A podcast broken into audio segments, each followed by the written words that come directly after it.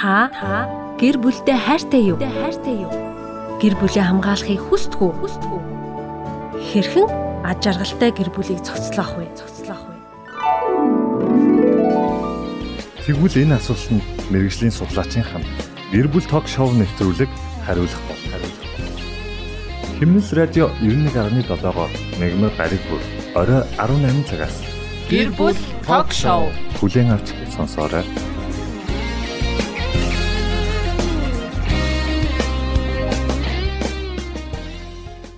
Сайн мэцхан эрхэм мөндөд сонсогчдоо Химнэл радио 91.7-оос явуулдаг 7 хоног бүрийн гэр бүл ток шоу маань өнөөдөр ингээд шин дугаар маань эхэлж байна. Тэгэд өнгөрсөн 7 хоногт бид бүхэн өсвөр насны хүүхдтэй эцэг эхчүүдэд зориулсан дугаар явуулсан бол энэ 7 хоногт бид 0-оос 1 настай хүүхд 0-оос 6 настай хүүхдүүдэд одоо бага насны хүүхдийн одоо хүүхдтэй эцэг эхчтэй зориулаад бага насны хүүхдийн хүмүүжлийн талаар өнөөдөр нэвтрүүлгээ явуулах гэж байна. За ингээд манай зочин оролцогч маань одоо гэр бүл судлаач нэмдөө байна. За сайн байна уу? Сайн сайн байцгаана уу? Та бүхэндээ энэ орой минь төргий. За тэгээд хүүхдийн хүмүүжил гэл ярихаар хүмүүс одоо ингээд олон талын л нөө мэдээ мэдээлэл байна л да хүмүүжлийн тал дээр яг үгүй 2016 оны одоо судалгааг харах юм бол Монголын хүн ам хамзын судалгааг харах юм бол 37.6% нь хүүхэд залуучууд буюу 0-аас 18 насны хүүхдүүд байна гэсэн судалгаа гарсан мөлий. Тэгээ эндээс бид нар юу харах болох вэ гэх юм бол Монгол улс бол хүүхэд залуучуудын орон юм а тий хүүхэд залуучууд бол их юм а гэдгийг бид нар харж болж байгаа. Тэгэхээр бид нар мэдээж энэ залуу үеийнхэндээ хүүхдүүдтэй бид нар ирээдүйд ямар хүмүүс болох вэ гэдгийг бид нар мэдээж зааж сургах, чиглүүлэх үүднээс хүүхдийн хүмүүжлэлийг бид нар голчлон ярьдаг. Тэгээд ерөнхийдөө ингээд ярихаар одоо ингээд өнөөдөр нийгэмдэр ийм ч юм болохгүй байна, тийм ч юм болохгүй нэгэд айгүйх болохгүй зүйл айгүйх байгаад байна те. Тэгээд би бол хувьдаа юу гэж хардггүй гэхээр одоо нэгэнт болохгүй байгаа ч юм уу те. Ингээд нэгэнт ингээд том болцсон хүмүүсийг засаж залруулахаас илүү хүүхдүүдийг одоо одоо бага наснаас нь бид нар хүүхдүүдийг зөв хүмүүжүүлээд тэгэх юм бол ирээдүйд бидний насан дээр ирэхэд одоо илүү зөв амьдралтай хүүхэд болох болов гэж боддог байхгүй. Тэгэхээр хүмүүс одоо ингээд харахаар нэг хэсэг чинь ингээд ажил хийгээд мөнгө өрний араас яваад ингээд хүүхдүүдэд ингээд зүгээр хайцсан Хүмүүд хүүхдийн хүмүүжил асуудал гэвэл би чамайг хоолтой ойлгож байна. Өмсөх хувцас ойлгож байна. Чамайг юугаарч дутаагаагүй тэгэхэд чи юу яаж ин одоо өгөнд орохгүй байна ч гэдэг хүүхдэд загнадаг тийм тохиолдол аягүй их байдаг байсан тийм. За Монгол хүмүүсийн ихэнх ярьдаг зүйл нь бол угаас тийм шүү дээ. Ер нь бол би чамаа те мөр бүтэн гэж сатгалан байлгаж байна те. Би чамаа бусдаас юугаараа дутаасан. Тэгэхэд чи одоо байна байгаа байдлаа харж идэм мод ингээд иймэрхүү байдлаар маш их хүүхдтэй ханддаг.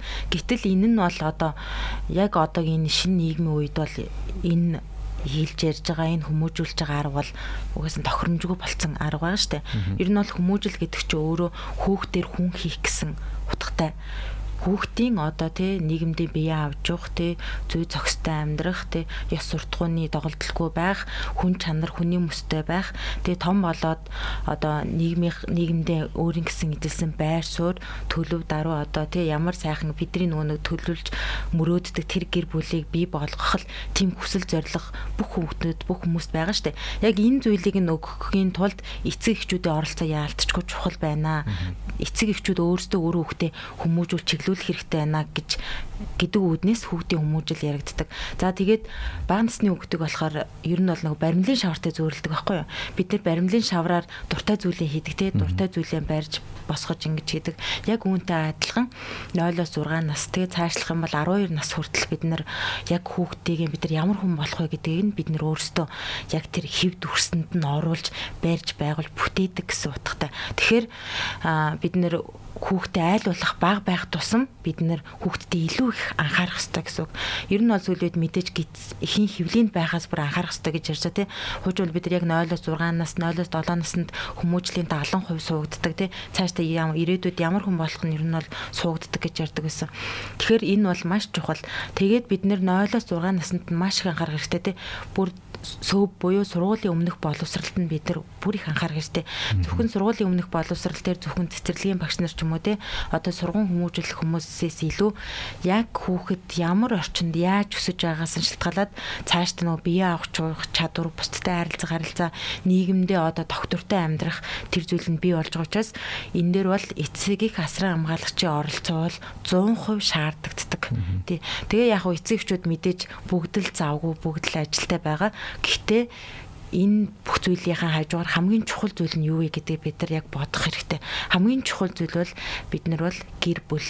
Гэр бүл үр хүүхэд бол бидний одоо энэ амьдрал энэ дэлхий дээр амьдарч байгаа амьдралын явцад одоо хамгийн чухал байр суурь эзэлж байгаа зүйл байгаа шүү дээ.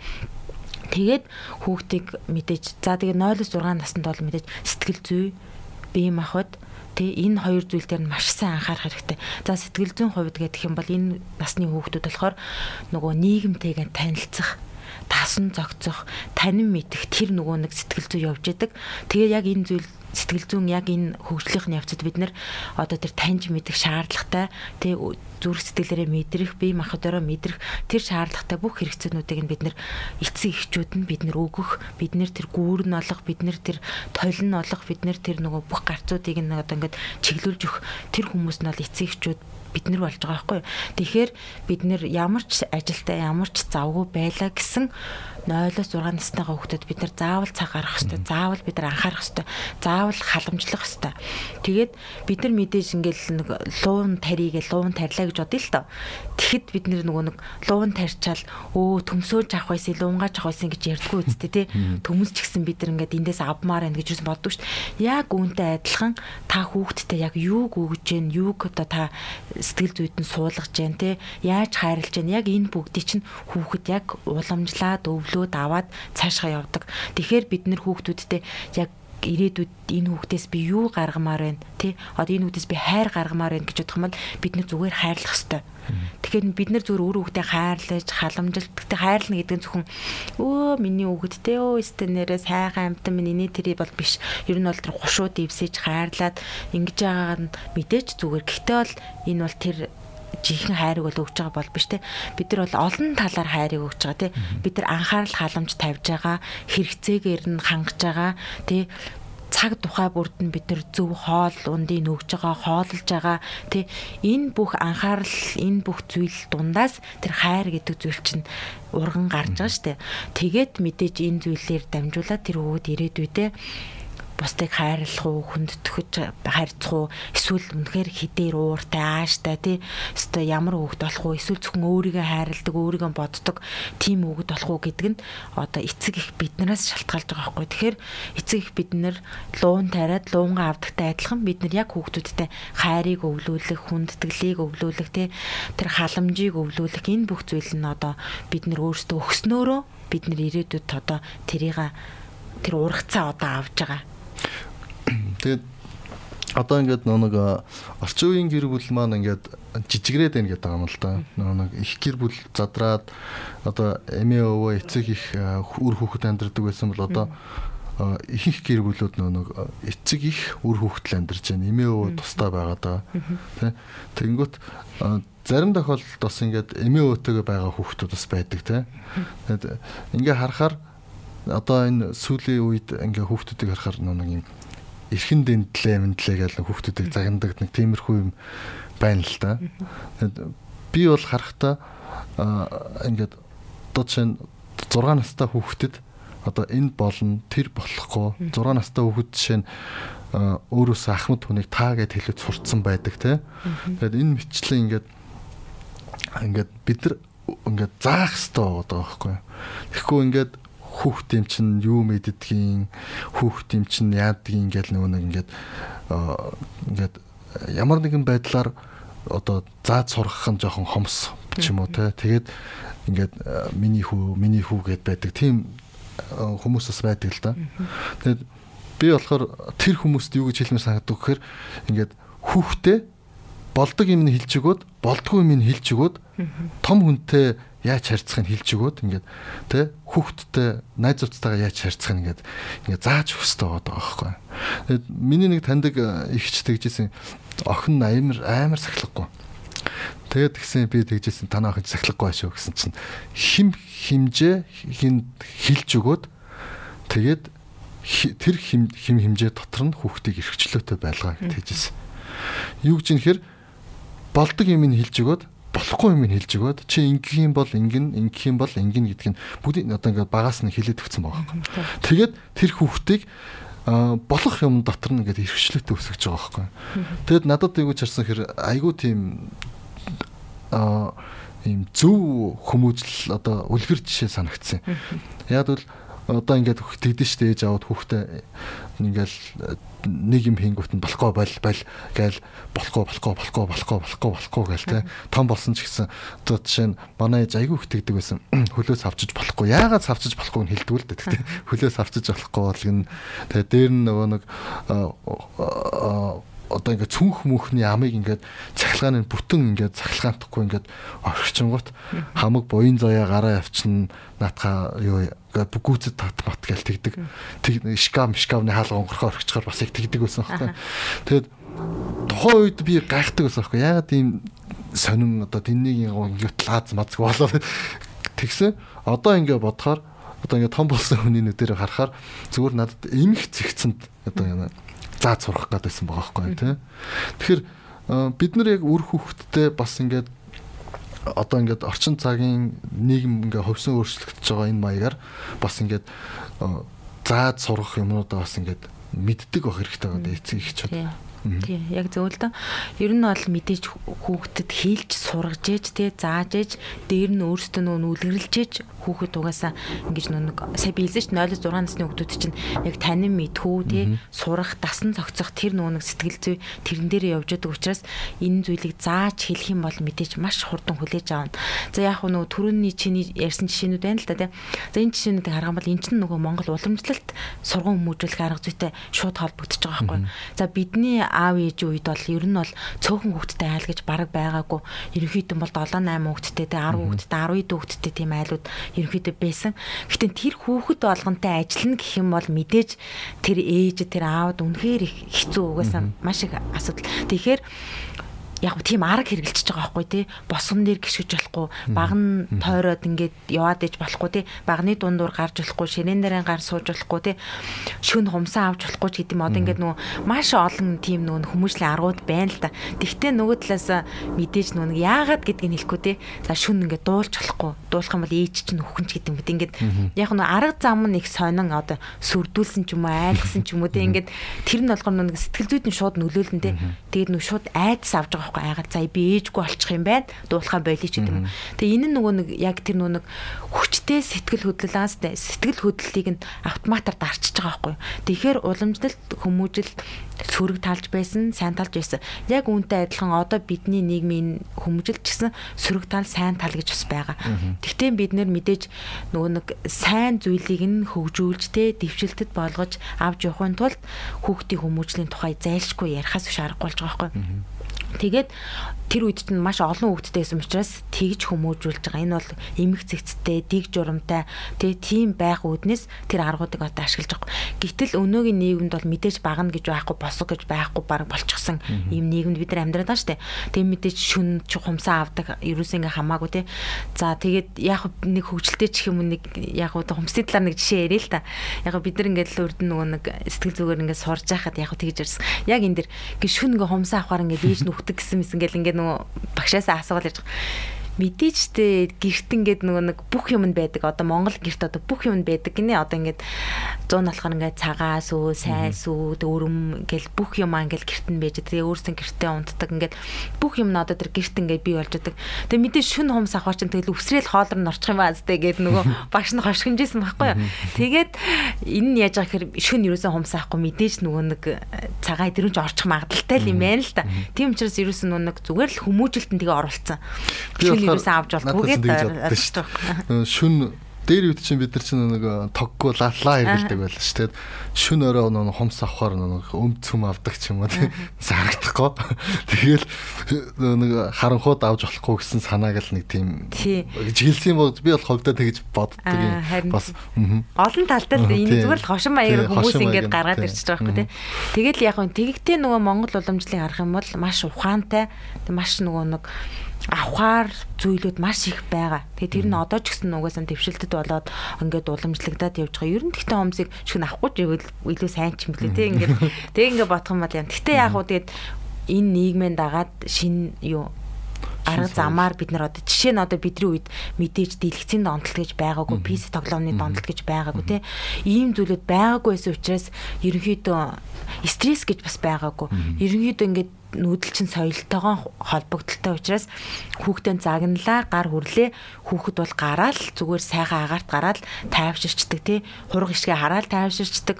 Зунны сайхан уйлралд бол тэгээд цэцэг ногоо навчаа гол горхоо хараал тайвширчдаг. Энэ бол ерөөсөн асуудал биш. Аав ээжтэй загнуулаа ингээл гараал ерөөс стресс гэсэн асуудал байгаагүй. Ёо гайгүй загнуулж өнгөрлөө гэж баярлалаа байсан тэр нь. тий баярлалаа. Баг ингээл гараал инээгээл ингээл аюу гойлч тэгэл гараал хүүхдүүд чинь гүйлээ хараалаа нөгөө нэг биеинд ингээ хуримтлагдсан. Одоо тэр нөгөө нэг зүйл нь шууд гараад ингээ тавигдаад ингээ байхгүй болчихж байгаа юм. Гэвтэл одоо өнөөгийн нийгэмд одоо олон давхар байшинтай тий 14 5 давхар байшинд амьдарч байгаа хүүхдүүд яаж тэгж стрессийн тайлах юм бэ? Тэгээд тэгэхээр эцэгчүүд ингээ хүүхдүүд стресстэй тодорхой хэмжээгээр стресстэй. Тэгэхэд эцэгчүүд тэрийг ойлгохгүйгээр ингээд энэ одоо юундаа уурлаад байгаа жоох юм бэж энэ юу ч хийгээгүй яасан гэж уурлаад байгаа ч гэдэг юм уу. Иймэрхүү байдлаар нөх хүүхдтэй хандхамгаар хүүхд нь улам нөгөө нэг сэтгэл зүйн хувьд маш их хямдралд ороо. Тэгээд аа муухай ээж муухай аав намаад ингээд зодоод байна. Ингээд нөгөө нэг ааш нь гаргаад тэрнээсээ болоод хүүхдүүд маш их зөрүүд зантай хүүхдүүд бас айгүйх бий болоод байдаг. Тэгэхээр энд болохоор яалтчгүй нөгөө хүмүүжлийн талаар ингээд ингэж хүмүүжүүлвэл зүгээр юм байна тэгж хүмүүжүүл зүгээр юм гээд ингээд ярихаас ч аргагүй. Жишээ нь те одоо одоо хит их дэлгэцээ хамааралгүй болохын тулд яах вэ гэхээр мэдээж хүүхдтэйгээ тоглох хэрэгтэй хүүхдтэй цаг гаргах хэрэгтэй те хүүхд чинь одоо ингээд 18 25 ер нь бол хүн ингээд 25 нас хүртэл ингээд өсөж хөгжиж ингээд бие махбод хувьд ч гэсэн сэтгэл зүйн хувьд ч гэсэн ингээд өсөж хөгжиж идэг нас гэж байгаа байхгүй. Тэгээ тэр тусмаа 0-аас 18 наснд бол маш их хөгжиж идэг. Мэдээч ингээд харагдахуйц байдлаараа ч хөгжиж идэг. Тэр сэтгэл зүйн далд байдлаараа ч хөгжиж идэг. Тэгэхээр 0-6 наснд бүр их хөгжиж идэг маш их нүг задрал явж идэг. Жишээ нь бид нар ингээд аав ээжүүд нэг гутал авчид тэрийн 3 жил ч юм өмсөж болдог үстэй. Гэтэл хүүхэд хизээж 3 жил өмсдгүй шүү дээ нэг гутлыг аваад. Тэгэл дараа жил нь ингээд өөрчлөгдөд том болоод багтсан мэт. Яг үүнтэй адилхан бие махбодын хувьд сэтгэл зүйн хувьд маш их өөрчлөлт ингээд явагдчихэдэг. Тэгэхээр энэ үед нь болохоор бид нар зүгээр л хүүхдтэйгээ маш их ярилцах хэрэгтэй, маш их тоглох хэрэгтэй. Тэгээд энэ эсийн задрал явагдаад энэ хөгжиж байгаа үед нь хүүхдийг маш их нөгөө инээлгэх хэрэгтэй гинэ. Инээлгэж, гүйлгэж, харайлгаж одоо ингэж нөө нэг бие махбодын одоо хөдөлмөр хийж байгаа юм шиг ингэж зүйл хийлэх. Дээр үед бол яг хөө тэгэл модон морой унаал гараал гүүгээл чулуун дээрээ чулуугаараа гэр барьж тоглоал ингээл одоо тэр нөгөө нэг хөгжил нь ингээд явагдчихдаг байсан. Одоо бол тийм биш учраас яалтчгүй эцэгхийн оролцоо хэрэгтэй болчихсон. Тэгээд эцэг эхчүүд өөрсдөө хүүхдтэйгээ маш их тоглох тий инээлгэх хөөцөлдөж гүүх нуугдаж тоглох ч юм уу ийм байдлаар тоглохоор хүүхэд автоматар нөгөө стресс гэдэг юмнаас ангижирж идэг. Тэр нөгөө биеийн задрал, бие биеийн тэр нөгөө эсийн задрал гэдэг зүйл нь явагдчихэдэг байгаа байхгүй. Тэгээд нөгөө инээж ингэж нөгөө нэг маш их одоо инээснээрээ хүүхдэд нөгөө нэг сэтгэл зүйн нөгөө нэг хөгжил нь маш их нүн хурдтайгаар задарч идэг. Тийм тийм болохоор хүүхдүүдтэй маш их цагаар гартай. Жишээ нь эцэгчүүд, сүүлийн эцэгчүүд ингээд хүүхдүүд ч гэсэн өөрсдөө ярьдаг те. Ээж ингээд амар хуцаа үздэг, ээж аваар айгүйх ингээд өөрсдөө кино үздэг, ус тэгсэрний бидрийг утас битээ аав гэдэг те. Ингээ яриад идэг. Гэтэл тэрийг өөрөөсөө болчоод тэг хүүхдтэйг ингээ цаг гаргаж хүүхдүүдөө эрт унтуулчаад юм унцныхаа дараа ч юм уу тэр зүйлээд хамаагүй дуртай зүйлээ хийж болно.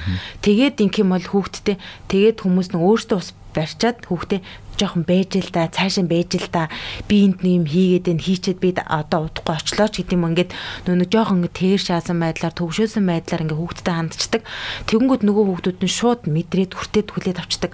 Яг үл 0-6 нас чинь яг тэр нэг хүртэж хүлээж авч мэдэрч бүх зүйлийг мэдэрж байгаа тэр нас байхаар аа ээжэд би чухал биш юм байна аавд би чухал биш юм байна гэсэн тэр сэтгэл зүйг нөгөө нэг автоматар одоо хүлээгээд авчиж байгаа хгүй тэгэнгүүтээ би аав ээжийн одоо тэр чухал орон зайг нь эзэлж байгаа хүн бол биш юм байна гэж хүлээж авснараа тэр нөгөө жоохон гол өөрийгөө голох, гологдох тэр мэдрэмжийг далд хумсартаа суулгаад авчдаг.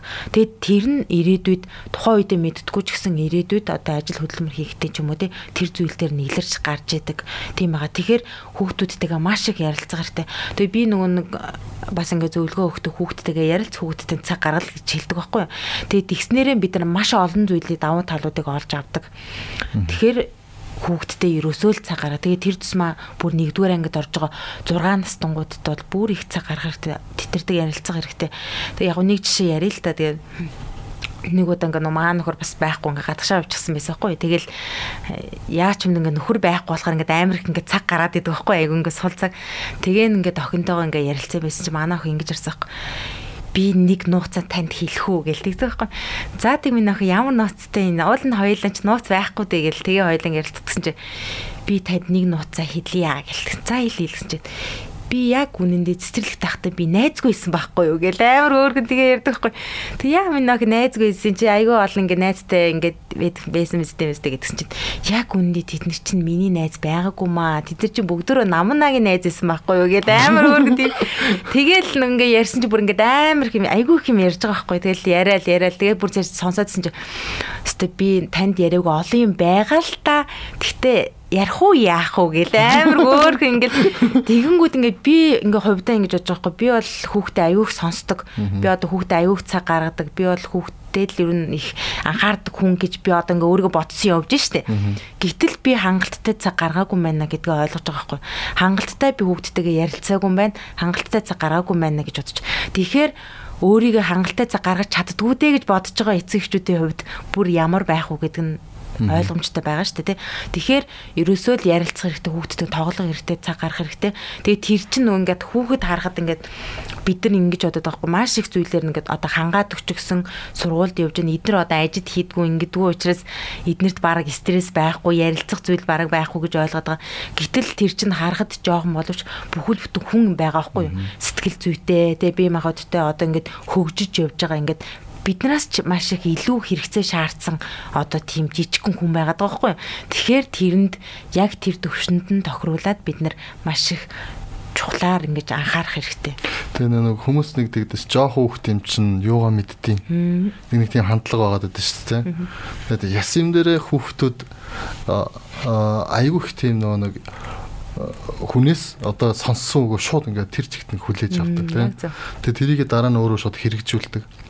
Тэгэхээр жишээ нь ингээд аав ээж нь ингээд уцаа ингээд оролдоол байгаа. Тэнгүүтээ хүүхдэд нь уцыг гуугаад нэг хэсэг авсны дараа за одоо болно гэж булаагаад авдаг ч юм уу тийм.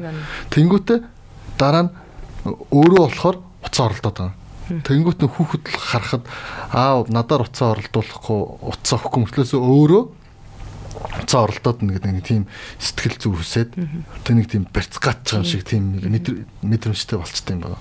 Юм шиг байгаа. Тэгээд тэгэхээр одоо ингээд утасны одоо бидрийг жоохон байхад бол дэлгэцийн хамаарал гэдэг юм байсангүй шүү дээ. Яг аав ээжүүд маань хэлдэг байсан зургатаас хоошоос хоошоос холоос үзгээл те. Тэгэхэд чи одоо тэр үед чинь хамгийн том зургат нь нэг 14 инч 10 21 инч байлаа шүү дээ. Одоо бол юу вэ 65 инч хүртэл байна шүү дээ те. Тэгэхээр бид нар бол айгүй хацтай үеийнхэн байгаа байхгүй юм нэг юм эвгүй эвгүй юм донтолтоодоос арай жоохон хол хөндөй өссөн те. Гэхдээ одоогийн хүүхдүүдийг харахаар харамсалтай нь тэр дэлгэцийн донтолт гэдэг бас айгүй их байгаа. Тэгэд би хувьдаа гэж харддаг вэхээр нэгдүгürt эцэг эхийн хайр халамж дутсан хүүхд нэгдүгээр тийм одоо хитрхийх утсан одоо дэлгэцэн донд чинь одоо юу ч хамаагүй үзэж штэ тэг хүүхэлтэй кино ба нэг нэг тийм дуу агаад тийм baby finger юу юу хэлээ нэг тэр дуу ядж хад ямар ч олон төрлөөр байдیں۔ те тэрийг баг ингээл бүтэн өдөр чинь сонсооддаг ч юм уу те эсвэл нөгөө нэг тоглох ах дүүгүй хүүхдүүд бас ингээд эсвэл ах дүү нэгэд өөрөөс нь олон насаар ахвалцсан бол ах юм уу ингээд зөрүүтэй болохоор болохоор хамтдаа тоглох хүүхд хөнгө болохоор тийм утсанд бас донтоод байх шиг байгаа. Тэгэхээр ингээд хүүхдүүдийг утаснаас хол байлгыг гэх юм бол нэгдүгээр хажууд нь утас оролдоод бол хэрэггүй. Одоо тэгээд манай нэг одоо 6 настай нэг дүү байна л да Тэгээ тэр тэгж оо аав диван дээр уцаа уцаа оролдоод хөвтөж гин гэдэг амар нэг тийм том хүн шиг ярьж байгаа байхгүй. Би бойл гэдэл байгаа огно гэл. Би өөр сонсчод инээд ирэхэд байгаа байхгүй. Гэхдээ тэр хүүхэд одоо нэг утас удаан оролдох буруу гэдэг тийм хүмүүс хэлээр гад тийм ойлголттой болсон баг. Тэгсэн чинь аав нь ажилласаа ирэл гэртээ ирэл суугаад утасаа оролдоо суучдаг. Тэгэл орой унтан хүртлээ утасаа оролдоо суудаг. Тэнгүүтэл тэр хүүхдэд буруу юм хийгээд байгаа юм шиг эсвэл нөө нэг өөрийг нь нөө нэг утас өгөхгүй байгаад ингээд гоморхдог ч юм тийм мэдрэмжтэй болоод байгаа байхгүй. Тэгээ нэгдүгээр бид нар хүүхдээ яажууд утас одоо болов оролдохгүй хэрэгтэй тий. За хоёрдугаар болохоор хүүхдтэйгээ тоглоод тэ нэг утас оролдож хүүхэд дэлгэж сарах тэр цагаас нь ядаж нь 30 минут хамт тоглох хэрэгтэй байна тийм. Тэгээд гуравт нь болохоор хүүхдтэй одоо өөр маягаар ингээд цаг өнгөрүүлэх тэр дадлыг суулгах хэрэгтэй байна. Тэгээд тэртээ тэргүү том болоод ч юм уу те одоо өсвөр наснд ороод ч юм уу компьютер дэлгэц рүү ирэх ирээд ойртох нь угаасаа ойлгомжтой.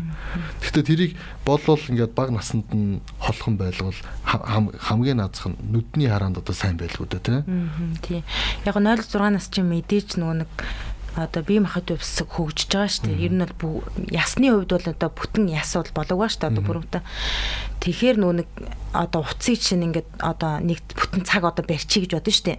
Тэгтэл одоо тэр нөө гарын ясанд нь одоо нөлөөлөх одоо тэр туяа нөлөөлөх энэ бол зүгээр заавал энийг заалгаадах шаардлага эцэгчүүд шууд энийг ах хэвээр тий. Тэр жижигхэн гаранд нь бол угаасаа автоматар нөлөөлж байгаа. За мэдээж тэгээ нүдэнд нь нөлөөлнө тий. Тэгэл ер нь бол тэр нөгөө нэг одоо энэ сүлжээ гэдэг юм чинь угаасаа л хортой энийг хийхэд бол маш их өндөр хэмжээний л тэр одоо хороор хийж байгаа шүү дээ. Тэгэхээр тэр уцыг ч гэсэн одоо ийм аим маш сайн ухаалаг болохын тулд юу ашиглаж хийж байгаа гэдгийг бид нар угаасаа л томчууд мэдчихэж байгаа шүү дээ. Тэгэхээр энэ зүйлээс л хүүхдүүдэд хамгаалах хэрэгтэй. Ямар ч үсэн та өөрөө хүүхдтэйгээ хідэн нас хүртэл нь амьдрдیں۔ Тэ тэр хүртэл нь тодорхой хэмжээгээр та хамгаалах хэрэгтэй. Тэгээд тэрнээс цааш бол тэгээд хүүхд бол өөрөө мэдэн штэ. Тэгээд дээрэс нь одоо ингэж байгаа байхгүй хүмүүс ингэж одоо чиний түрүүний хэлдэг тэр дэди пингер мингер гэдэг дуунууд байгаа штэ. Одоо тэр дуунуудыг одоо хүүхдүүд ингэж уцаа ингэж сонсоор агаад уцснаас харсаар агаад одоо ингэ сурцсан байна те.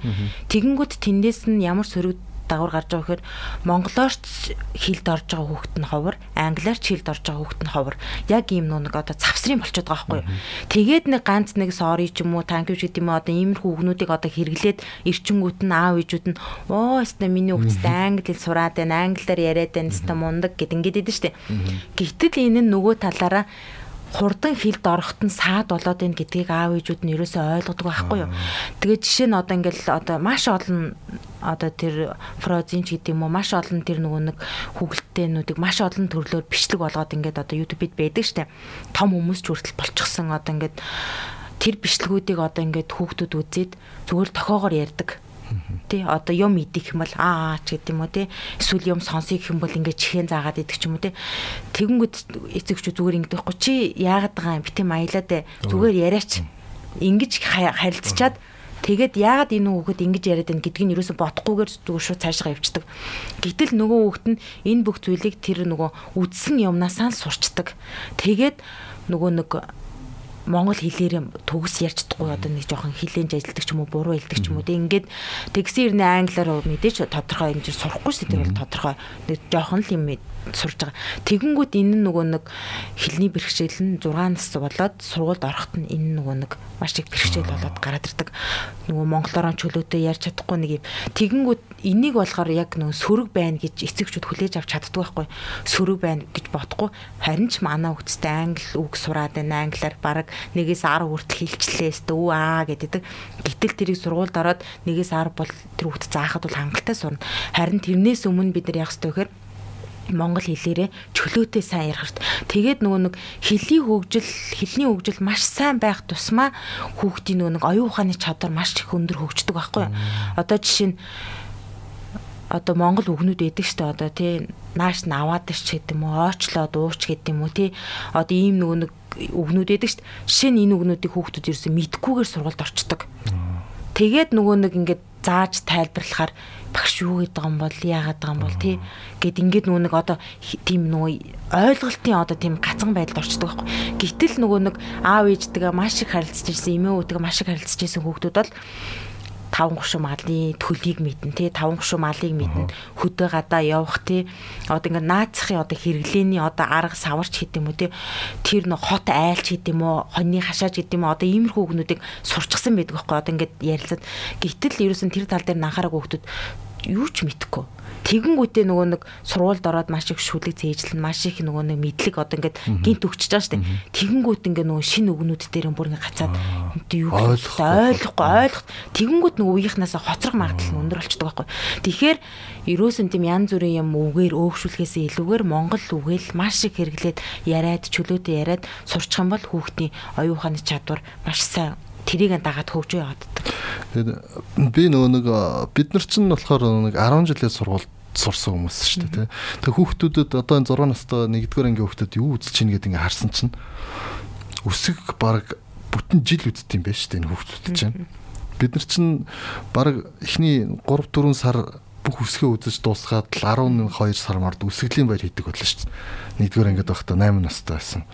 Тэгэхэд одоогийн хүүхдүүд Тэгээ нүг хүүхэдтэй бас ингээд тоо мо заадаг ч юм шиг ингээд үсэг мүсэг ингээд цэцэрлэгт сургуульд орохоос өмнө заачаар сургуульд ингээд яваад ороод иргүүт нөгөөх нь нөгөө мэддэг юм заагаад ддэг өөдөөс нь. Тэнгүүтэл эн чинь миний мэддэг юм заагаад ингээд ингээд хичээлд явах дургу мургу болдог тийм шалтгаан бас болдог гэж байгаа байхгүй. Тэгэхээр бас хүүхдийг ингээд хитрхи ингээд эртнээс ингээд боловсралтай хүн болгох гээд ингээд нухаад аж болохгүй юм шиг байгаа. Тэгэд би би одоо ингээд Монголын 6 настай хүүхдүүдийг хараад өрөвдтiin. Хөөхий би бол 6 настай байхдаа бол нусаа хацартаа наагаад тоглоод гүйжсэн байгаа байхгүй. Тэгэхэд чин одоогийн 6 настай хүүхдүүд хичээлд явна, өглөө босно.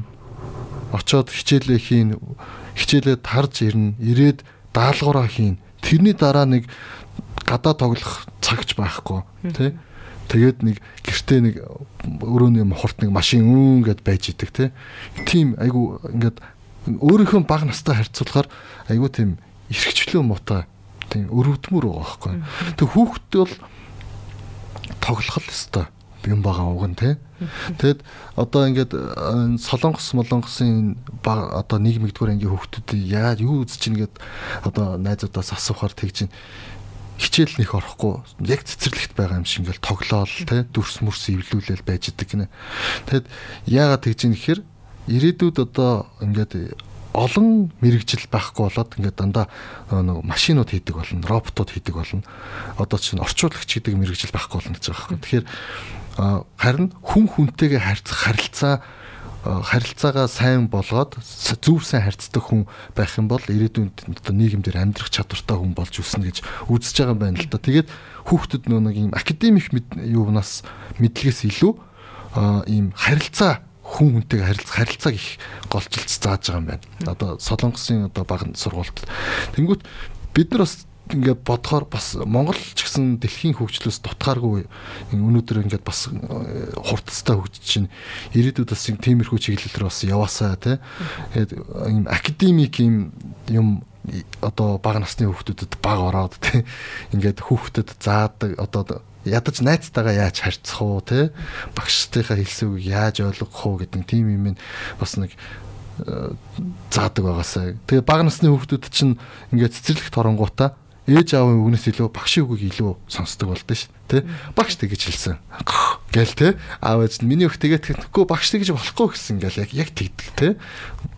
Ер нь бол яг хүүхдүүд мэдээж багш багшийн үгэнд бол орно. Гэхдээ хүүхдүүд ингээ хүмүүс ингээ хуваадаг байхгүй орчин үеийн хүүхдүүд хууч нь одоо бидний үеигээ хуваадаг штэ яг бидний үед ч гэсэн гар утас интернет одоо ингээл тий одоо хувийн сургууль ингээл амар хөгжсөн байсан бол бид нар ч гэсэн бас яг тийм л байх байсан бах. Гэхдээ яг тэр үед байгаагүй яг одоо үед энэ зүйл нь байгаа болохоор яалтчгүй ингээ нөгөө ялгаа гарч байгаа. Тэрнээс биш бидний хувьд бол яг ингээд адилхан л оюун санаатай бие махбодтой адилхан сэтгэл зүрхтэй хүмүүс аа штэ. Тийм тэгэхээр яг хүүхдийнхаа яг нөө хүмүүжил гэж ярихаас илүү бид нар бол ингээд хайрлаж үлгэр жишээл болох хэрэгтэй юм байна л да. Ер нь бол тийм тэгэхээр энэ зүйлийг хийхэд мэдээж багш нарын оролцоо, эцэг эхчүүдийн оролцоо, нийгмийн оролцоо яалтчгүй ингээд нөө уялдаа холбоотой нь зайлшгүй болчихж байгаа. Гэхдээ мэдээж эцэг энэ хүүхд чинь одоо амьдралынхаа одоо 18 нас хүртлээ одоо амьдралаа гэртээ амьдралаа гэж бодоход ихэнх хувийн ер нь бол мэдээлэл өнгөрөж байгаа шүү дээ. Тэгээд хоёрт нь мэдээж сургууль дээр нь буюу багштай өнгөрөж байгаа. Тэгэхээр багшны харилцаа тий тухайн тэр сургуулийн одоо тэр хүмүүсийн харилцаа хамгийн чухал нь эцэг их бидний л харилцаа юу маш чухал болчихж байгаа. Тэгэхээр энэ тал дээр эцэг эхчүүд мэдээж багштайгаа илүү хамтарч ажиллаж хүүхдэд анхааруул маш зөв. Тэгээ дөрөвний чиний хэлдгээр яг гэхдээ Монголын цэцэрлэг Монгол сургууль бас одоо нэлээд өөрчлөлтөд бас гоё болж байгаа. Багш нар ч гэсэн бас нэлээд орчин үеийн хүүхдүүдтэй яаж харилцах вэ гэдэг тал дээр бас нэлээд суралцаж бас гоё одоо нөгөө нэг багш төвтэй тий танхим төвтэй биш одоо хүүхд төвтэй сурагч төвтэй ер нь болж байгаа. Номнууд нь айгүй хөөрх юм байлаа хүүхдийн. Ер нь айгүй хүүхдийн. Тэр э, математик энэ төрлийн номнууд нь шууд ном дээр бичээд явдаг тий. Айгүй гоё тийм бас бас хөгжилж бас тань нэг л та. Тэгээ одоо бас нөгөө нэгдүгээр анги хүүхдүүд бас нэгдүгээр ангиас нь хүн орчин гэж бас ордог болсон. Тэгээ тэн дээр ингээд бүх зүйл хүний тухай бүх зүйл ингээд зааж байгаа байхгүй? Одоо чих бол ийм өргөтэй, нүд бол ийм өргөтэй тий. Ингээд ийм өргөтэй байдаг гэл бүгдийг ингээд эхнээс нь ингээд заад юм байлээ. Тэр нь бас ингээд хүүхдэд бас айгүй сонирхолтой зурган байдлаар тоглоом байдлаар явахаар бас айгүйх сонирхолтой тусд юм байлээ. Тэгээд одоо бас цэцэрлэгийн бас тэр сургах арга барил бас нэлээд бас өөрчлөгдөж байгаа. Бас их хүүхд төвтэй болж байгаа. Хүүхдтэйгээ илүү ойрц, хүүхдээ сонсъё те гэд бас тэр багш нарын хувьд бас нэлээд өөрчлөгдөж бас орж ирж байгаа. Гэхдээ мэдээж илүү л бид нар нүүн хичээж ингэснээрээ бас тэр хүүхдүүдэд бас илүү тус болж байгаа шүү дээ ер нь бол. Одоо ингээд харахаар хүүхдүүд маань ингээд нэг орчин үеийн хүүхдүүдэд чинь нэг ингээд кристалл хүүхд мөхт гэдэг айгүйх нэг юм мэдээлэлтэй ингээд төрхтөөл мэддэг төрдөг энэ төр гэдэг нэг нэг тийм айгүйх ярьдаг байсан дээ нэг хэсэг. Одоо чинь сүүлийн үед айгүй багасчаа тиймэрхүү яриа өөрөө тийм яг хав. Гэхдээ янз бүрийн онцгой хүүхдүүд одоо яг нэр томьёонууд бол мэдээж байна л да. Янз бүрийн онцгой нэр томьёон гэтээ тэр бол мэдээж л адилхан хүнээс гарч байгаа учраас ерөнхийдөө бол төстэй. Гэхдээ яг илүү сэтгэдэг илүү хурдтай хүлээж авдаг ч гэдэг юм уу тийм хүүхдүүд бол байгаа. Гэхдээ одоо ихэнх хэцүүгчүүд бас нүүн хөвлөд байхаас илүү их анхаарат байгаа шүү дээ. Илүү их анхаар тэрнээсээ болоод илүү нүү гарч ирэхтэй нээлттэй, өөртөө ихтгэлтэй тийм хүүхдүүд бас нэлээ тгүү бас төрж гарч ирж байгаа. Тэгээд одоо энэ хүүхдүүд чинь одоо хөвлийг одоо ихийн хөвлигээс гарч ирээд нэг орчинтойгоо танилцаад ингээ байж байгаад тэгээд нэг Монгол одоо ахуйг ингээ ярингууд дээр үед болохоор аав нь хүүдээ үлгэрэлдэг, ээж нь охиндоо үлгэрэлдэг. Тэгэл одоо ингээд нэг хэд нэг жоохон том болоод ирэхээр одоо анаа дүүтэй охин бол анаа дүүдээ хоол ичиг нь мөгнө гэл ингээд тоглож байгаа юм те. Эсвэл эрэгтэй хөлтлөхөөр за би мориндоо адоондоо явлаа мавлаа гэл яг тэгдэг байсан. Тэгээд яг бидний одоо энэ орчин цагийн энэ хотын хэм маягтай амьдралд маань эрэгтэй хүүхдүүд ялангуяа нэг харж ингээд үлгэр авах тийм үлгэрлэл айгу багтаа болчиход байгаа.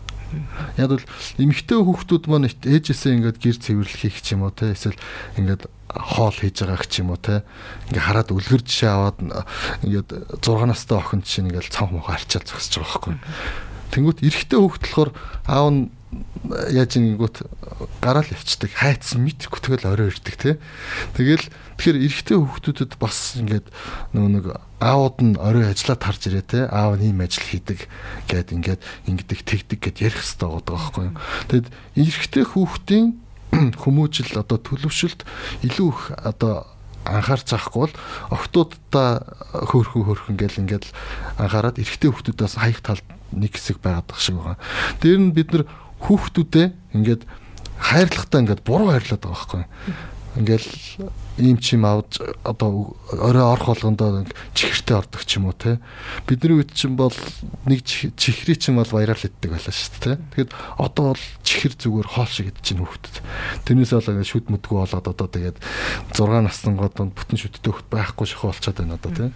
Тэгэхээр ингээд зөв хайрлах хэрэгтэй. Одоо хамгийн наад зах нь нэг ийм судалгаа сонсч байсан.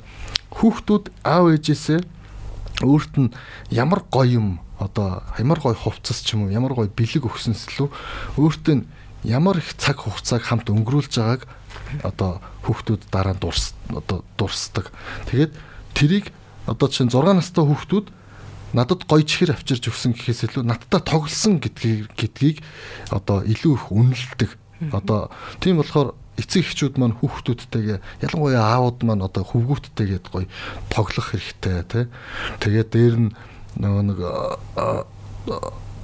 ямар нэгэн тийм хажууд нь хэрүүл урал хийгээд те нэг тийм буруу үлгэр дөрөл болохоор зүйл харуулахгүй болол харуулахгүй байл айгүй сайн байгаа. Тийм. Ер нь яг одоо ингээд яхам бол мэдээж харилцаанаас үүдэж байгаа янз бүрийн үг хэллгүүд, шин үг хэллгүүд мэдээж маш их гарсан тий.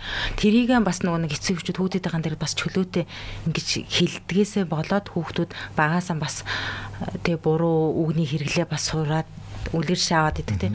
Одоо яг энэ дээр бол мэдээж эцэгчүүд бас анхаарах нь зүйтэй. Гэхдээ одооны хүүхдүүдэд чиний түрүүний ярьж байгаа энэ асуултан дээс ингээ бодох юм бол ерөөсөө л гэр бүлийн цаг гэр бүлийн цаг хэр их сайн гаргаж чадсанараа өөр хүүхдтэй цаг гаргаж байгаа байхгүй. Тэгэхээр энэ нь бас эцэг их одоо эхнэр нөхрийн харилцаатай яалтчгүй уйлдж байгаа. Эхнэр нөхрийн харилцаа сайн байх тусмаа гэр бүлийн цаг, гэр бүлдээ зарцуулах цаг нь илүү сайн. Гэр бүлийн одоо эхнэр нөхрийн хоорондын харилцаа нь жоохон тиймэрхүү ахын бол мэдээж гэр бүлдээ гаргах одоо тэр уур амьсгал цагийн хувьд бас асуудал үүсэж байгаа шүү дээ. Тэгээ одоо бол мэдээж нэг үеийн бодох юм бол маш их нэг цаг гарах боломжууд маш их. Хүмүүс ингээд маш их ууланд авирах дуртай болсон байна. Агаар салхинд гарах дуртай болсон байна. Дугуй унаж гадуур явах дуртай болсон байна. Фитнестэй одоо ингээ хөгжим бүжиг сонирхдаг болсон байна. Ер нь бол ингээд айгүйх усан бассейнд хүүхдүүдэд явуулах дуртай болсон байна. Энэ бүх зүйлүүдээ хамгийн гол нь гэр бүлэрээ хийгээд амралтынхаа өдрүүдээр одоо хүүхдүүдтэйгээ хамт хийдэг ч юм уу те. Эсвэл чиний түрүүний ярьдаг хөвгүүдийн хүмүүжлэх гэдэг юм бол хүүхд хүүхдтэйгээ хамт хийдэг аавын цаг үйж болно шүү дээ. Хүүхдтэйгээ хамт гаргадаг хагасаа өдөр болгон хоёулаа тодорхой хэмжээний дугуй унаад орж ирдэг ч юм тий. Эсвэл тодорхой хэмжээгээр гүүгээд орж ирдэг ч юм уу. Эсвэл гэр бүлэрээ одоо агаарт тий уул руу авираад тэг амар сүртэй ах гарахгүй ч гэсэн тий тодорхой хэмжээгээр агаарлангаа сэтгэлэнгаа гардаг ч юм уу. Тэгээ ингээд явах юм бол мэдээж хүүхдүүдийн оюун бодол тий тэр сэтгхүйд нь мэдээж чөлөөтэй задрал явагдаж байгаа тий. Тэгээд энэ дундаасаа хүүхдүүд маш их зүйлийг сурж мэдж тэгээд ингээд нөө хүүхдэд цаг гаргах тусам хүүхдэд айгүйх юм асуулт асуудаг байхгүй. Асуулт айгүйх асууд ээж энэ яагаад ургасан ингээл тэгэл жишээ нь би дээр нөө хүүхдийн даалгавар хийлгэж захтал ингээл хүүхд ингээ гоё мэдээ мэдээ чихэр идэм мэдээ гэдэг харна би тийм үү дээр үед ээж нь ингээ даалгавар хийдэг хад чихэр идэгсэн чихэр байдгүй байлаа ч гэдэг юм би зүгээр ингээд нөө ярьж байгаа байхгүй. Тэгэнгүүт нөгөө хүүхд чинь тийм яагаад таны үед чихэр байгаагүй гэж тэгснэ. Тэрнээс хойш ингээл дараа нь ингээл айгүй их юм асууж байгаа. Ээж таны үед юм байсан уу? Таны үед утас байсан уу? Гэл тэгээ таны үед одоо ингээд та ингээд гоё над чиг юм гоё толтойсэн үү гэдэг юм. Одоо ингээд охиндоо нэг юм тойл авч гисэн байхгүй ингээд тоглоом нь тойл те нүүр буддаг тойл тэгэнгүүт таны үед одоо ийм тойл байсан уу гэл ингээл айгүйх юм асуугаал ингээл ярилцаа тэгэхээр нэг цаг гаргах тусмаа хаунт байх тусмаа хүүхд юм асууж юм таны мэддэг болдог улам илүү ингээд одоо ингээд нөх хөгжил нь ингээд явагдаад байдаг. Тэгэхээр л ерөөсөө ярилцах хэрэгтэй, цаг гарах хэрэгтэй, хамтдаа байх хэрэгтэй. Тэгээд тэр утас дэлгэцийн хамаарлаас хүүхдүүдэд хол байлгая л гэх юм бол бид нар өөрсдөө эхлээд хол байх хэрэгтэй. Тэгээд хүүхдүүдэд дэг журам гэдэг юмд суулгах хэрэгтэй. Ороод хитэн цагт унтах хэрэгтэй, хитэн цаг өглөөд хитэн цагт босох хэрэгтэй ч гэдэг юм үү те. Тэгээд мэдээж тэр нь өдөр болгон байж болохгүй байвал мэдээж тодорхой хэмжээгээр тэр зүйлийг баримтлахаар хичээх хэрэгтэй хичээж одоо нөгөө нэг зориулт гаргаснараа л ямар нэгэн зүйл нь үр дүнд хүрч байгаа. За тэгээд бага насны хүүхдүүдийг бол маш их тэрж явах хэрэгтэй, маш их хайрлаж байгаа хэрэгтэй, маш их ярилцж байгаа хэрэгтэй. Тэгээд 0-оос 3 насыг бол ер нь бүр их эцэг эхчүүд маш их ингэртийн тэрвэрч хайрлаж байгаа хэрэгтэй. Тэгээ Монгол уламжлалыг харах юм бол энийг бол нэг ээнэг шиг нас гэж үздэг байхгүй юу? 0-3 насыг ээнэг шиг нас нь яадаг вэ гэхээр ээж аавдаа тасан цогцох тий ертөнцтэй энэ дэлхийдээ тасан цогцох нас энэ үед нь хүүхдээ илгэндээ тэрвэрж тий удаан тэрвэрж хайртай хайрлаж байгаа гэдгийг илэрхийлснээрээ хүүхэд өөртөө ихтэй илүү бусдыг хайрладаг, хүндэлдэг, тэр зүрх сэтгэлийг мэдэрдэг тий одоо тэр нинжин сэтгэлтэй тэр хүмүүн одоо бий болдог байхгүй. Тэгэхээр энэ зүйлийг гэр бүлдээ маш гаргатай. Тэгээд мэдээж эцэг эхчүүд хүүхдийнхаа дэргэд бие биенийгаа тэрвэрдэг, хайрладаг, бие биендээ баярлаад талархлаа гэдгийг хэлдэг. Дээрэс нь нөгөө одоо хэрэлдэж муудалцаж ам зүрсэн бол дараа намаа гуучлаараа миний буруу байлаа гэдгийг хэлдэг ч юм уу тий. Одоо энэ үлгэр жишээг явуулснараа 0-6 насны хүүхдүүд мэдээж энэ зүйлийг хараад суралцаад аа за хүнтэй ингэж харьцдаг юм байна. Аав ээжтэй ингэж харилцдаг юм байна. Бие бинийгаа ингэж хүндэтгдэг юм байна. Тэгээд дэрэгт нь бид нар өвөө эмээгээ яаж хүндэтгэж харилж байгаа, өвөө эмээг нь яаж баярлуулж байгаа тий юу авж өгч байгаа гэдэг ч юм уу тий энэ жижигхэн зүйлүүдээс нь болоод хүүхдүүд аа хүн би том болоод аав ээжигээ ингэж хайрлах хэрэгтэй юм байна, ингэж хүндэтгэх хэрэгтэй юм байна гэдэг ч юм уу ингээд одоо бидний ахуй амьдралаас маш их зүйлүүдийг сурж идэг. Тэгэхээр хүүхдийн хүмүүжлэхээр бид нар нөгөө нэг маш их одоо өөстө цаг гаргах хэрэгтэй юм байна гэдэг нүү ачаал аваад стресслээд хүндрээд ингээд байхаасаа илүү өдөр тутам хийж байгаа. Тэгээ хоол хийхтэй хамт хий.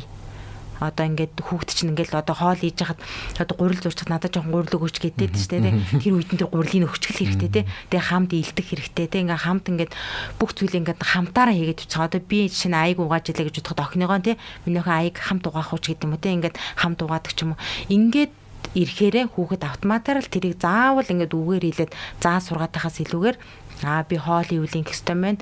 Аяг угаах хэвээр байна. Би настай хүмүүсийг ингэж хүндэтэх хэвээр байна. Ингээд одоо бидний амьдралаас л ерөнхийдөө суралцаа авчдаг. Дөрөвний тэр нэг твэрдэг дээр Америкт нэг тийм судалгаа хийж асрамжийн газар ингээд нэраа хүүхдүүдийн асрамжийн газар байсан чинь тэнд айгу нэраа хүүхдүүд их энддэг байсан юм байна л да. Тэгээд а яагаад тэгээд ингэж эндээд байна гэдэг судлаад байсан чинь нэраа хүүхдүүд ингээд асрагч нар нэрэл зүгээр аманд нь хоол одоо угжийн угчдаг. Тэгээд нөгөө тэрж өгдөг юм байна л да. Зүгээр ингээд ингээд ингээ өгөө зогсож идэг юм байна.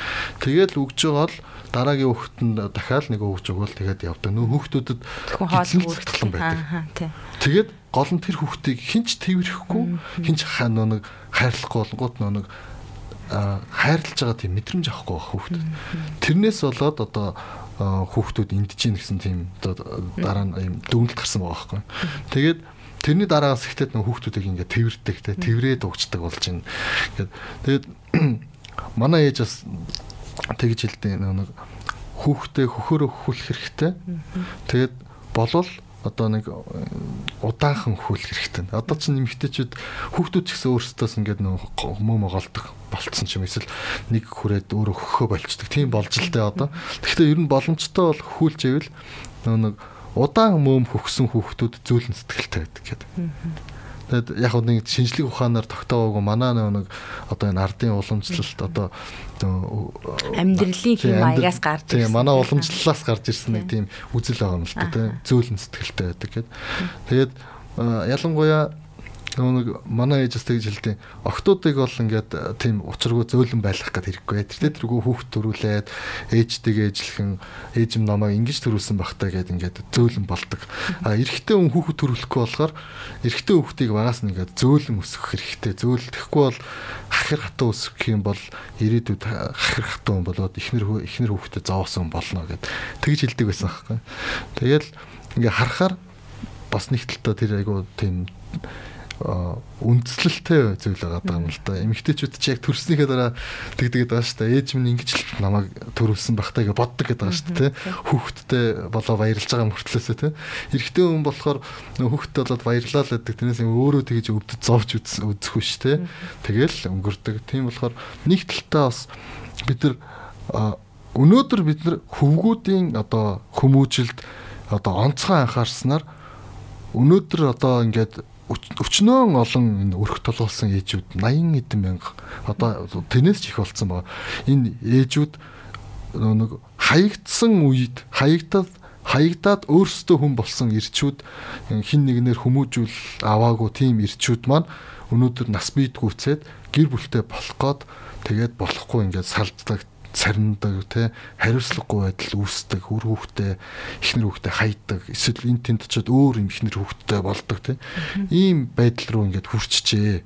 Тийм болохоор бид нэр эрэгтэй хүүхдүүдэд тэр тусмаа эрэгтэй хүүхдүүдийг маш сайн хүмүүжүүлээд хамгийн гол нь нэг амьдралд эрх хүн хариуцлагатай байх хэрэгтэй гэдгийг бүр ясм аханд нь шингтэл ойлгуулад тэгж хүмүүжүүлэх хэрэгтэй байна. Тэгээд ялангуяа эрэгтэй хүүхдийн хүмүүжилд ээж хүн бол нэг тийм нөлөө учиргүй амар үзүүлж чадахгүй. Хамгийн гол нөлөө үзүүлэх хүн бол аав. Яг бол эрэгтэй хүүхдэд ч аавгаа л харж үлгэрч явна. Тийм болохоор тийм. Би нэг судалгаа харж л байлаа л да. Тэгсэн чинь гэр бүлийн хүмүүжилт охин ч хүү ч хамаагүй одоо хүүхдийн хүмүүжилт ерөөсө хамгийн чухал нөлөө үзүүлдэг хүн гэсэн чинь аав гэж гарч ирж байгаа байхгүй юу. Ээж бол ингээл наанж гаргуугээл цаанж гаргуул бүх юм хийгээд байгаа штэ бүх зүйлийг зориулаад ээж бүх зүйлээ зориулаад тагтчаа. Ээжийн нөлөөгөөс илүү аавын нөлөө маш чухал гэж гарч ирж байгаа. Аав нь хүүхдээ хайрласнараа, охтуудаа хайрласнараа, хөвгүүдээ хайрласнараа тэднэрт ингээд зориулт гаргаснараа хүүхдүүд нь том болоод яг тэр аав шиг хүн болох магадлал нь маш өндөр гарсан байгаа байхгүй. Тэгэхэд ээж ээжигээ мэдээж дуурайна. Ээж охтууд бол ээжгээ дуурайдаг гэж ярьж байгаа шүү дээ. Яг үнэндээ бол ихэнх охтууд бол ерөнхийдөө аавыгаа дуурайдаг гэж байгаа байхгүй. Том болоод аав шиг хүнтэй суухыг хүсдэг. Тэ аав шигийн тийм одоо амьдралыг аав аав нь ямар амьдрал гэсэн яг тийм амьдралыг ер нь ирээдүйд авах гад байдаг бий болгоод байдаг. Тэгэхээр энэ нь бол аавын нөлөө маш чухал юм а гэдгийг илүү их тодтогч харуулж. Тэгэхээр эцэг эхчүүд мэдээж хамтдаа э, нэгдмлэр нэгдэнэ. Гэхдээ мэдээж аавын оролцоо маш их үүрэгтэй. Гол нь нэг одоо манай нийгэмд чинь ингээд гэр бүлдэх эрэгтэй хүний эцгийн оролцоо юм хомс байгаа. Баг байгаа байхгүй. Яг л өглөө гараад орой ирдэг, орой орой зургтаа өсөж байгаа л тэгэл унтаад өгдөг. Нөх хүүхдүүдтэйгээ цаг өнгөрөөдөг тийм аавууд одоо нэг үеуд бол их болж байгаа. Тийм ер нь бас байгаа. Тэгэхдээ бас өшөөч их болох хэрэгтэй байна. Ялангуяа энэ хөдөө энэ одоо чинь оюутлогоо 5 толгоо ингээ уурхануудад ажиллаж байгаа аавууд чинь 14 хоног ажиллаад ирээд 7 хоног юм 14 хоног амраад буцаад явдаг. Тэгээд ирээд ирээд байгаа гэр бүлтэй байгаа цагаа бас айгүй тийм үр дүнтэй хүүхдүүдтэйг өнгөрүүлэх хэрэгтэй байна. Тэгвэл нөө нэг ингээд яг ингээл өөрт нь хүүхд чинь янз бүрийн асуудал гарна шүү дээ. Тэр бүгд дээр өөрийнх нь тэр асуудлыг нь ингээд аав нэрэл за миний хөө яасан гэж асуухад бол нэрээ бүх хүүхэд бол баярлна. Тийм ямар ч хүүхдээсэн баярлна. Тэгэхээр манай эцэг эцэг одоо аав болсон хүмүүс маань хүүхдийн хүмүүжилттэй ингээд гэр бүлийнхээ амьдралд ингээд идэвхтэй оролцоо оролцоосаа хүүхдээ улам илүү их ингээд аавын хай одоо аав маань жишээ намайг ингээд тэрвэрэд байж ивэл одоо ингээд жоохон байхад л тэрвэрлдэг байлаа л та. Тэгээд ямар тэр үед ингээд ингээд дэлхийг эдэлсэн юм шиг санагддаг байлаа шүү дээ. Ингээд юунаас ч айхгүй те. Тийм сайхан түшигтэй байдаг те. Тэгэхээр манай орчин үеийн аавууд манаас хүүхдүүдтэйгээ бас тийм гоё цагийг өнгөрүүлээсэ те гэд. Тийм. Яг чиний ярьж байгаа яг зөв. Энэ болохоор нөгөө хэрэгцээ шаардлагаас илүүгээр одоо тэр сэтгэл зүйн тэр нөгөө нэг тайвшрал, сэтгэл зүйн тэр хамгаалалт тий тэр сэтгэл зүйтэй л ер нь холбоотой болоод байгаа шүү дээ тий. Тэгэхээр л хүүхдүүд яг ер нь яаж хүмүүждэг вэхээр яг сэтгэл зүгээр л хүмүүжж байгаа байхгүй тий ингээд оюун бодлороо зүрх сэтгэлээрээ бодож дүгнэж тэгээд тэр хүмүүжлэг авч байгаа. За ингээд а манай өнөөдрийн нэвтрүүлэг маань дуусах цагт өгч байна. Энд нэвтрүүлэг төгсгөөд хэлэх үг юу вэ? Тэгээ мэдээж бид бүгдөө л сайн хүүхдтэй те сайхан одоо охинтой хөвгүүдтэй болох гэж бүгд л дор бүрнийг хичээж амьдарч байгаа те. Тэгэхээр үүнийг бид нар яаж яг вэхээр бүх цагаа те илүү цагаа гэр бүлдээ зориулъя те хөөрхөн хүүхдүүдтэй зориулъя. Тэгээ тэд нартаа л ер нь хамаг хайраа тий хамгаалж байгаа та нарын төлөө байгаа гэдэг бүх зүйлээ яг гэр бүлэрээ л гаргаа. Ер нь бол гэр бүлийг гүйцэх үн цэнтэй зүйл, гэр бүлийг гүйцэх хамгийн сайхан зүйл ер нь бол энэ дэлхий дээр байхгүй шүү дээ. Тийм болохоор гэр бүлдээ л анхаарай л гэж хэлээ да. За ингээд э, мегмар гараг бүр 91.7 FM-ээр явагддаг. Гэр бүл ток шоу маань ингээд өндөрлөж байна. Тэгээд студид гэр бүл судлаач нэмд байгаа. Тэгээд хөтлөгч өсөх хоёр миний бий байла. Тэгээд хамтдаа байсан үзэгчтэй баярлалаа.